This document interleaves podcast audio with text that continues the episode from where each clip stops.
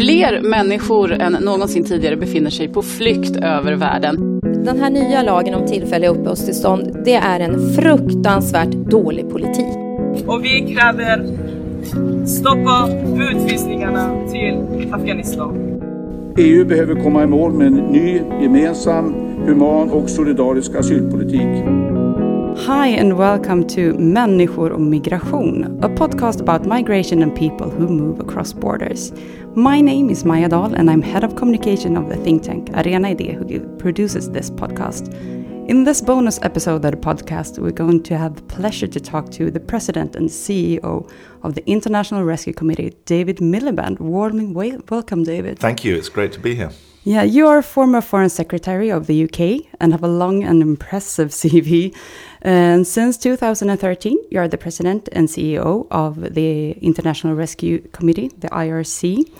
And this organization, uh, it works to provide education, health, and safety uh, to people whose livelihoods have been shattered by conflict or disaster. Could you tell our listener, listeners a little bit more about the IRC does and in what countries the organization is present? Mm, IRC is actually a European organization mm. by origin in a particular way, in that we were founded in New York by Albert Einstein in 1933. He was in New York when Hitler came to power. He never went back to Germany.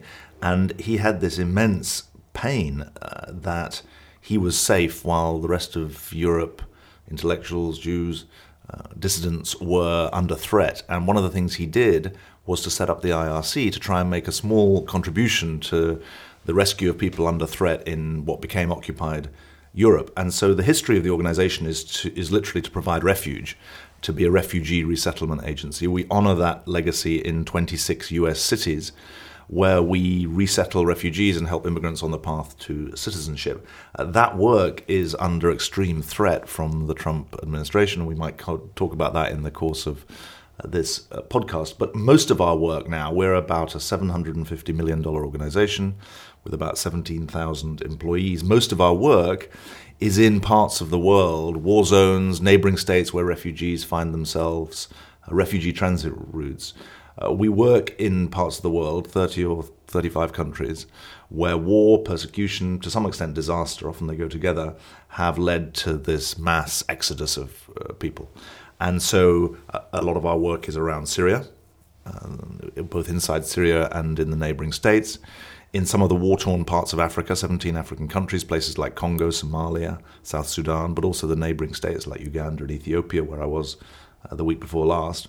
Uh, and we also work, obviously, in South Asia, in, uh, Af- in Afghanistan, big operation, Pakistan, and in the news recently, Myanmar and Bangladesh. And so we're not an organization, we're a crisis focused organization rather than a poverty focused organization. But obviously, the people facing crisis who we most care about are those who are in poverty and vulnerability. I think we're going to talk about a lot about what's happening in the US and we're going to talk about the migration situation in, in the world uh, at large. But first, I would like to start with you because this podcast we've talked about different aspects of migration and we follow the development of refugee and migration issues over the past three years. And as you can imagine, it has not been a very uplifting experience. This may be the most depressing podcast in Sweden right now. uh, but you are not a pessimist. When I hear you speak and when I read your book, my impression is that you are an optimist. Is that so, and how is that possible? Well, I think I'm congenitally pre-programmed to be optimistic because if you become pessimist, then you uh, end up finding it very hard to provide energy, and certainly you don't want to be in an organization that's led by a pessimist. So I feel a sense of professional responsibility to be uh, optimistic, but not stupid. I think that it would be foolish to try and deny some of the trends that exist around the world walls going up. There are more walls being erected than walls being pulled down. And the great danger, I always say, is that while the second half of the 20th century was defined by pulling walls down, the danger for the first half of the 21st century is that it's defined by walls going up. I mean, my attitude is that we can't afford to be more depressed than the people that we serve. And what's remarkable about the populations I saw in Ethiopia 10 days ago or two weeks ago, if they can dance and smile and argue in a refugee camp in eastern Ethiopia or in a war-torn uh, part of the northern north of Ethiopia, uh, people who are, have suffered from war-torn um, experiences in South Sudan or Congo, if they can manage to be resilient, determined, forward looking, then what excuse do we in the more comfortable parts of the world have for crying into our cornflakes? Yeah, one of the reasons why I'm not very optimistic and why I think uh, a lot of people are not very optimistic is like the UNCR, UNHCR's number 65.6 million, the number of people who are forcibly uh, displaced from their homes right now. Uh, and it feels unmanageable. But in your book, Refu uh, Rescue, uh, you have singled out three important solutions to the current refugee crisis to allow refugees to work, uh, to make sure that refugee children uh, get an education, and to empower refugees with money that they can invest in the local economy. Uh, could you explain the solution a little more in depth to, the, to our listeners? So I think the, the key learning for me is uh, over the last um, four years, while I've been leading the IRC, is that the displacement of people is a long term phenomenon, not a short term phenomenon.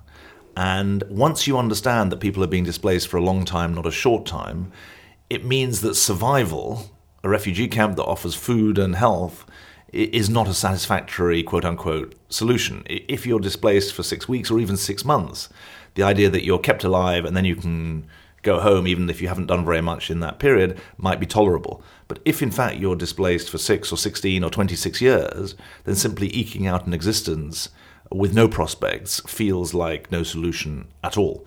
And I think once you understand that, um, and a companion statistic that 60% of refugees are in urban areas, not in camps, uh, that refugees are by dint of the process of urbanization that is affecting them as much as it's affecting the rest of the population. Once you understand that, you realize that the traditional solutions aren't good enough. And the trouble with the humanitarian system is that it reflects old solutions and old problems, not new solutions and new uh, problems. So, point one since refugees are in the main part of the market economy by virtue of living in, urban, living in an urban area, and what they need above all is the ability to pay rent, get their kids into school, etc., then cash handouts become an obvious first step. We say in the IRC, why not cash? As the first question you ask before you start offering socks and fleeces and tents and never mind even other services. So, uh, and, and that it so happens, and we may come on to this, giving cash to refugees recognizes that there is potential benefit for the host population from that policy intervention. We studied in Lebanon that for every $100 you give to a refugee, $213 circulates in the local economy. So that is not to say that Lebanese people in the Bekaa Valley are suddenly celebrating that lots of refugees have arrived, but it does provide some salve to the uh, arrival that there is resource brought in. The danger with a refugee camp is that it's a self sustaining economy, totally divorced from the wider economy, in which there may be big problems themselves. I mean, I never forget that in Dadaab, which until recently was the world's largest refugee camp, uh, the mortality rates were higher outside than inside. Hmm. And so the first thing is break down the barriers between refugees and the uh, host economy. Second thing, it is an utter scandal that half of the world's refugees are kids and 2% of the world's humanitarian budget goes on education. I mean, you couldn't imagine a more scandalous, short sighted um, symbol of the failure to develop a public policy response to a modern problem than neglecting the investment in uh, young people. And that's why we emphasize so strongly not just the traditional academic learning, but social and emotional learning, because the trauma that these kids have been through means they need extra help to be able to uh, thrive. Uh, the European Union, to be fair, has said that 8% uh, of its humanitarian budget will now go on education. But since half of the people are kids, you can see that that's a big catch up. The third thing, you described it as refugees should be allowed to work. That's half the equation. Uh, obviously, this is for adults, not for kids. Uh, but we need a new bargain for refugee hosting states. I often raise an eyebrow when people talk about a European refugee crisis. Of course, a million refugees arriving in Europe is not a joke, but a million refugees have arrived in Uganda over the last year from South Sudan. Um, the European population is 550 million, and the average income is I don't know 35, 40 thousand dollars a year. Uh, in Uganda, the population is 45 million, and the average income is about 962 dollars a year, or it was the last time I uh, looked. And the real I don't like to say burden, but the real responsibility for hosting refugees is in relatively poor countries Uganda, Ethiopia, uh, Kenya, um, Pakistan actually, uh, but then in the Middle East, Lebanon and Jordan. And my argument is that you can't just say refugees have to be allowed to work. You have to say we need a new deal with these refugee hosting states in which they are given big macroeconomic support over a long term period that allows them to expand job opportunities for their own people and offer refugees the chance to contribute to the economy in which they're now living. And there are some signs of that coming up. Unfortunately, the recently departed uh, or recently resigned Prime Minister of Ethiopia, he'd been arguing very strongly that Ethiopia needed to get people out of camps and into the local economy. Um, Jordan has signed up to a compact with the World Bank on similar scale, and my argument is that that's a good thing. That re- refugee camps are funeral homes for dreams, and we need to uh, have a new kind of compact that allows refugees to be contributors to the societies that they live in, rather than simply waiting for a future in which they're allegedly going to go home, but which too often never happens. Mm. And you said it now that um, displacement is a long term, not a short term issue. Uh, and you write it in, in, your book as well. And the average duration of displacements is 21 years. And still, so many of the solutions for dis displacements are short term solutions. We can see now temporary residence permit, refugee camps, all of these different solutions. Why do, do we not think long term solutions as you talk about? Well, I think there are two reasons. For both donors and hosts, it's comforting to think that it's a short term problem. And so essentially that's politics, isn't it? it? This is not just a policy problem, it's a political problem. Now, uh, there's a common sense value in saying, I think in Sweden, three years, in the UK, five years, uh, we're going to give you a temporary permit uh, because there's a hope that the war that you've fled from may not be raging in the same way in three to five years. The trouble is, I was looking this up yesterday, um, the, the average duration, uh, I beg your pardon, the average number of civil wars since the end of the Cold War uh, is 10 times higher than it was in the whole period 1816 to 1989. So 180, 175 years or so. Um, uh, the the duration of wars has gone significantly up. Uh, second thing that's happened, though, is that, or I beg pardon, the number of wars has gone significantly up. The second thing that's happened is that, interestingly, in the second half of the 20th century, the duration of wars lengthened as well, um, went up threefold over the first half of the 20th century. And it see, and th- this is partly explained by the fact that it's it's much harder to end civil wars than it is to end wars between states. The civil wars that tear a nation apart make if you just think of Somalia or Afghanistan, and I fear Syria as well, with the amount of bloodshed, it's much harder to rebuild a country, mm. reunite a country, recreate a country. Whereas often wars between states, they unite a country.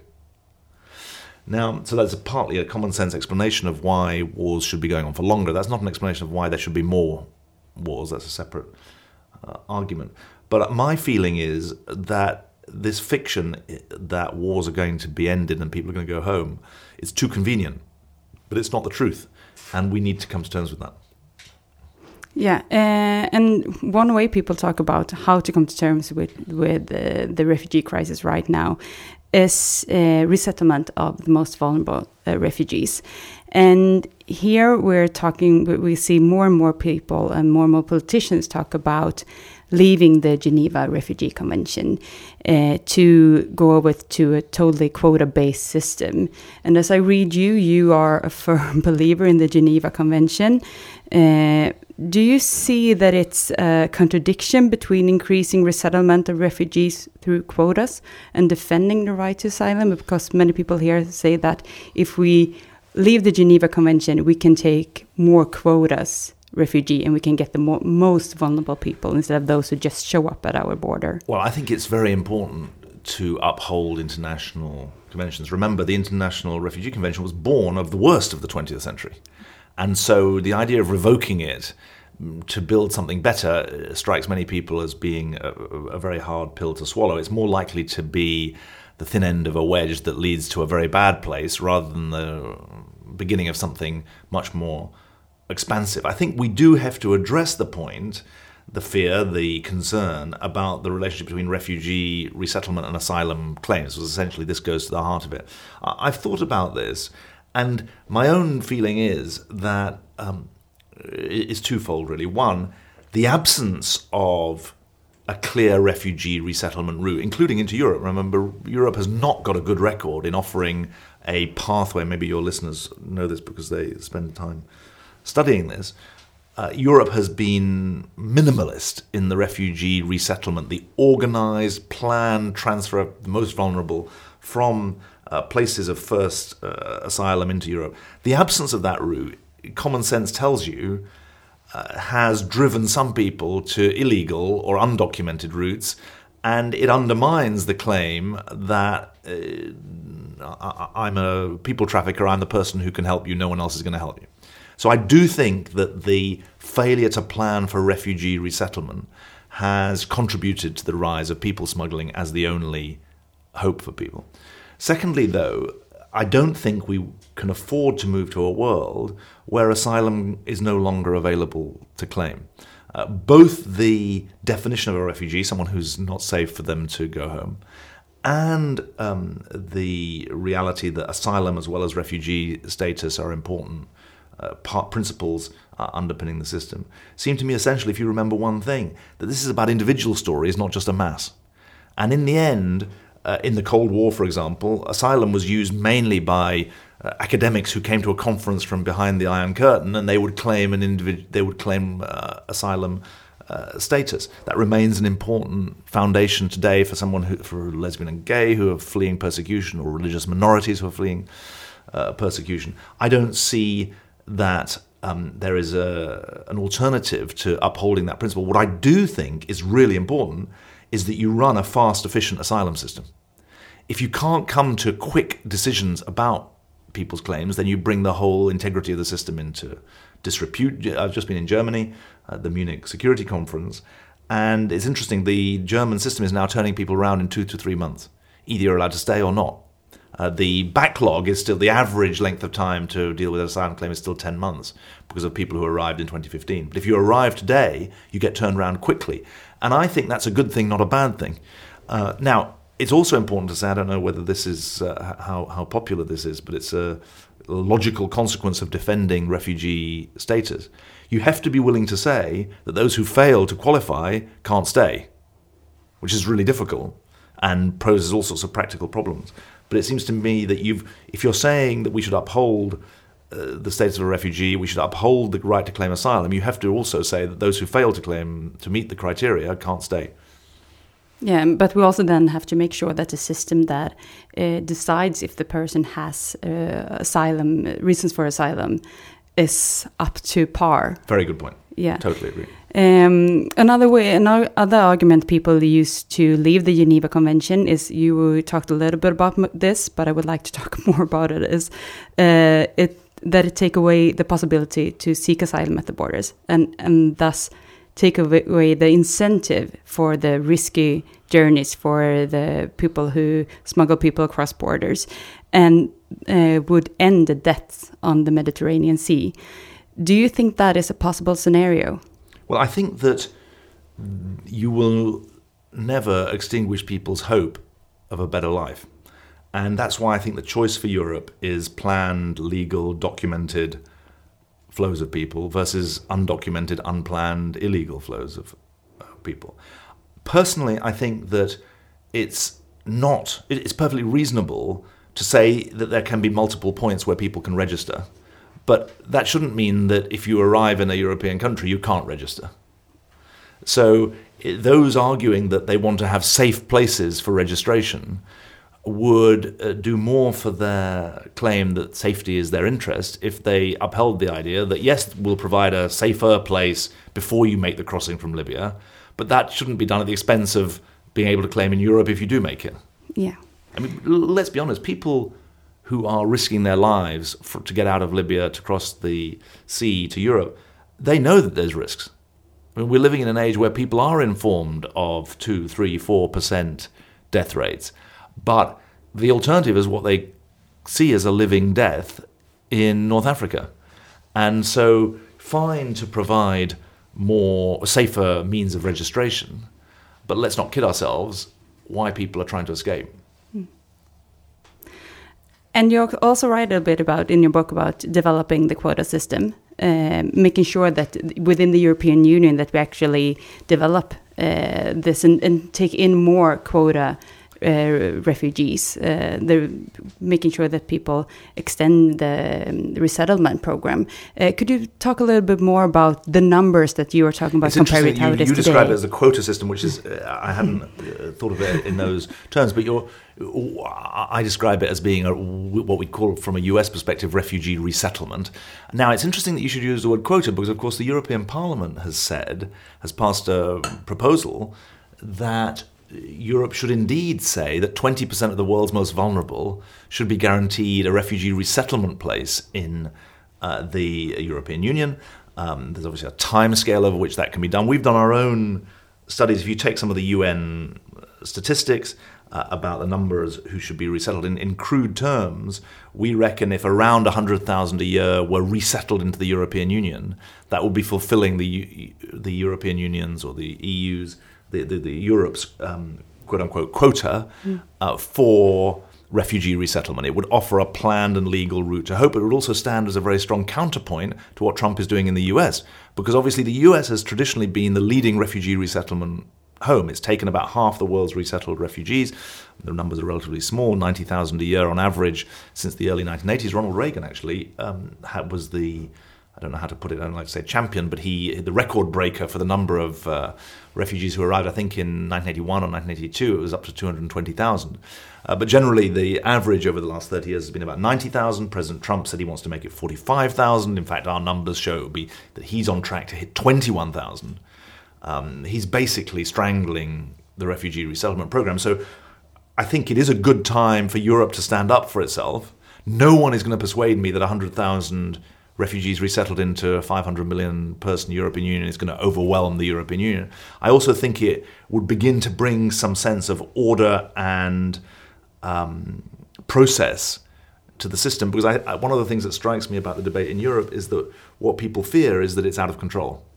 And I think it's important to put down a marker that a refugee resettlement system that does give um, priority to those who are vulnerable and stuck in Kenya or in Jordan is a good thing.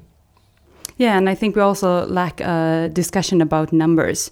When it came, when 163,000 people came to Sweden in 2015, that was a lot of people. But now we're looking at numbers between 19,000 and 26,000 a year uh, from the um, border migrations prognosis. Yeah. Uh, so isn't it the case also that you're what, what's if I understand the figures right, you've got uh, 19 to 27,000 who are uh, asylum claims. You've got um, a refugee re- relocation group of I don't know nearly 3,000. Is that right? And then Yeah. a um, but also a refugee resettlement group that's the government proposed to move up to 5,000. Yeah, and right Yeah. now in Sweden it's uh, about 2,000 a year, so that's Yeah. practically nothing compared to what we were able to actually to integrate into into the uh, community. Yeah, I mean the the integration part I think is important. We we talk about our work in the US as being refugee resettlement. I sometimes think we should we would be better off uh, talking about successful integration because of course the goal is successful integration, contribution, fulfillment in the society, not just arrival. And two processes that are actually now in, in force is that the Nations, uh, um, United Nations General Assembly adopted the New York Declaration of Refugee and Migrants in 2016. And that's a declaration on uh, the global impact on uh, compact on refugees and global compact on migration. And these two will both be adopted uh, now in 2018. What are your thoughts about these processes? What are your hopes? Well, I, the, the, I said that I was an optimistic person, so I don't want to sound depressive, but uh, the the great danger of this intergovernmental process is that it agrees something extremely weak. Now, the de- they were declarations, and they set in place a two-year consultative negotiating process. The first draft of the consultations has been published. In September, the UN General Assembly will uh, adopt a new um, uh, set of action points on refugees. And the danger is that it's too weak to have traction on the issue. So it's got the draft has some good language on refugee resettlement, but it doesn't match the actions that were taken in 2016, in September 2016, when the US increased its refugee resettlement places and other countries did the same. Uh, at the moment, we're in danger of going in the opposite direction, and the uh, lack of ambition in respect of what's called local integration into the host communities um, is really very striking. Only two paragraphs on this, despite the fact that one of the most dynamic actors in this humanitarian space at the moment is the World Bank. I mean, the World Bank has said, look, we've got to rewrite our mandate uh, to recognize that there might be some middle income countries that are hosting a large numbers of refugees that need World Bank help of a special kind, even though under the traditional mandate uh, they are that they wouldn't be poor enough to qualify for our help. And people need to remember most poor people don't live in poor countries anymore. They live in lower and middle income countries. And I think that uh, we need to have some focus. A, look, the, Sweden's a respected country in the UN. It's a country that believes in the UN. It needs to have its voice heard in making this compact actually mean something. Because one of the great dangers of, of, the, of those of us who defend the so-called liberal international order is that it's good at talking but not at acting and that just drains support from it. And I wouldn't want the refugee compact to fall into that trap. Yeah, you talked a little bit about language, and I would like to keep on talking about language and on how we talk about refugees. Because uh, here in we podcast, we've done an episode about the increasing way of talking about refugees in the terms of security terms for threats to the country and terrorism. And I know you write about that as well in your book. You now live in, in the US and you here we can see the same tendencies. Trump talking about oh worse. I think. I mean, I think it's there are market leaders in the yeah. um, demonization of refugees. Yeah. Do you see see it's possible to change the way we talk about refugees? Uh, well, funny enough, I went. You, you, know the name Elie Wiesel, who was the Holocaust survivor. I went to see. He used to be a member of our board of overseers before I, he died. I went to see him, and he said, he said, look, the idea of refugee isn't popular, but the idea of refuge is popular which I thought was quite a clever uh, point. I, I think we have to, one of the jobs of NGOs like mine is to make sure that it's not just my voice that's heard, but it's the voice and the stories of refugees that's heard. And we need to get their voices out because one of the tragedies of the last uh, five years is that the scale of the refugee crisis has dehumanized the refugee population. It seems like this mound of people talking about language. I don't like the language of migrant, yeah. because that carries, a, I think, a negative uh, connotation. I think there are refugees and there are those seeking uh, economic immigration or seeking to emigrate for economic reasons. Uh, but I think that you can reclaim language if you can associate it with individual stories. And the individual stories are best told by the people themselves. Yeah, and is it the same way in the US that their voices are rarely heard as yeah, it is in I mean, I think we're we're trying to running a run a people can visit at rescue.org. One of the little campaigns we run is um, my name's Gloria Estefan. I'm a singer. I'm an American. I'm a refugee. My name is Madeleine Albright. Uh, I'm a diplomat. I'm an American. I'm a refugee. And I think that's in its own small way the, the right pointer uh, to the future. Because what's interesting about America, I mean, it, Americans are different from Europeans.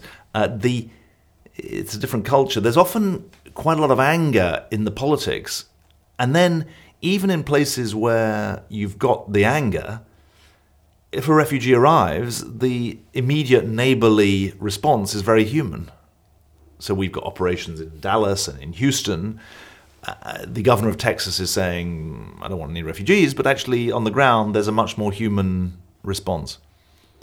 Yeah, um, we can also see that other other parts of the language uh, connected to migrants and, and refugees are being changed right now. I'm mainly thinking about how Trump has begun to talk about chain migration instead of family reunification. Do you see that as a part of like trying a strategy to trying to decrease the willing of the people to accept refugees. Yeah, uh, I mean, framing the issue is important. I mean, what maybe doesn't immediately become clear to a Swedish audience, I don't know, even one as well informed as this, is that the historic echoes of the phrase chain migration in a, in a country that was the cornerstone of the slave trade is important. And so he's he's rattling some very old cages in that almost literally, in the use of that chain migration phrase. But the look, the framing of politics is still very, very significant, and the lang- language does frame things. And uh, family reunification doesn't fit in a headline in the way that chain migration does. Um, but it shows you that uh, you have to be very careful, even with something that actually has common sense base. If you stop and think about it, which refugees are most likely to succeed in a new country? It's actually those who've got a family link because they've got a community to move into. So, uh, yeah, it, it, it, does matter. And I think that. Um, the, the, the, the facts are, are, I'm a bit of a fact based person, um, but I think we've got to get smarter about the language. Yeah, and I see it as kind of a danger here in Sweden as well that we start talking about people in that kind of order because we, as we see right now, people who come to Sweden from Syria are not able to reunificate with their family. We've taken away that possibility. So um, I see the same tendencies here uh, and fear the same things. Mm -hmm. um, you talk, talked a bit in the in the beginning about how your program is uh, endangered by Trump's administration. Could you explain a little bit more? Yeah, so that? we're um, running refugee resettlement for last year about 13 and a half, 14,000 people. That means we meet them at the airport, we get their kids into school, we help them into employment. Uh, it's been a successful program. We even did a study to show that the refugees we resettle are more likely to repay their car loans than the average American 98% repayment rate on car loans. So these people who have known the price of persecution and fear and danger become patriotic and productive citizens. One thing that America does, of course, is it puts them on the road to citizenship. After five years, you can become a citizen. Now, uh, the reason it's under attack is that uh, the Trump administration has decided basically to narrow the pipeline. So there remain 11 countries that are banned, including Iranians. Remember, the Trump administration is saying we applaud the people on the streets of Tehran who are defying their government.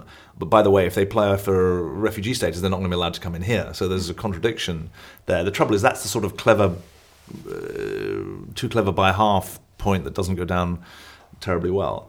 Um, but uh, the administration has banned refugees from those 11 countries on alleged security grounds to improve the vetting arrangements. And it's also the case that they are uh, fiddling with the way the administrative arrangements are organized for recruiting refugees or uh, recognizing refugees. And so the flow at the moment is only about um, one and a half, two thousand people a month. So the total number of refugees will be about 21,000. Uh, we will probably only resettle five or six thousand this year, six or seven thousand. Uh, on top of that, there are Iraqis who have worked with the American diplomats and American uh, military, so that adds. Uh, they're called special immigrant visas. Um, but there's a danger for America that it strangles the program over the next three years or seven years, and I think that'd be very sad. I mean, I've warned since I arrived that there's nothing uh, humanitarian about not having a good vetting system. I don't think one should be against a proper vetting system. But in America, it takes 18 months to get through the vetting system. It involves 12 different government agencies. There's multiple biometric tests and interviews, and uh, the burden of proof is always on the re- would be refugee to prove who they are. So it's a real danger that America actually shuts off its system. Some of our sister agencies, 20 offices, I think, have been closed. We've managed to avoid most of the closures. Uh, but there's a real danger that in three years' time there may not be a refugee resettlement system in the US. Uh, we have time for just one last question. Sure. And as I stated in the beginning, you are kind of an optimist, and this is a depressing podcast, uh, but we would like to get some hope. When we look out in the world, we see few leaders who talk the way you do today. Uh, do you feel lonely, or do you have any political leaders that you could no, no, like? I, I, I think that. Um, if you look at the statistics, you can be depressed. If you look at the people, you have hope. And I always say we have no excuse for being more depressed than the people that we're serving. I mean, the people who I met in Ethiopia 10 days ago, I mean, if they're not depressed, then what excuse do we have for being depressed? And I think that uh, it, it's very hard at a time of post financial crisis, retrenchment in the Western world. It's, it's hard to uphold important values. But if you look at what um, Prime Minister Trudeau has done in um, Canada, I think that um, Swedes probably don't like to admit this or accept this, but actually, I, know your own government has come in for its uh, criticism and there's a debate in the country. Um, but Sweden is still a country which is willing to have asylum claims refugee resettlement, part of the relocation uh, scheme. And the commitments, I think, uh, don't underestimate that uh, Sweden is still uphold, upholding some important parts of the global compact, not least because Sweden also has an international aid program it defends. I mean, I'm not I'm not the lawyer for the government, but the fact that you're a country that still spends one percent of national income on overseas aid, I think means that you're not susceptible to the argument that remember the argument can be let's spend money overseas instead of having them here.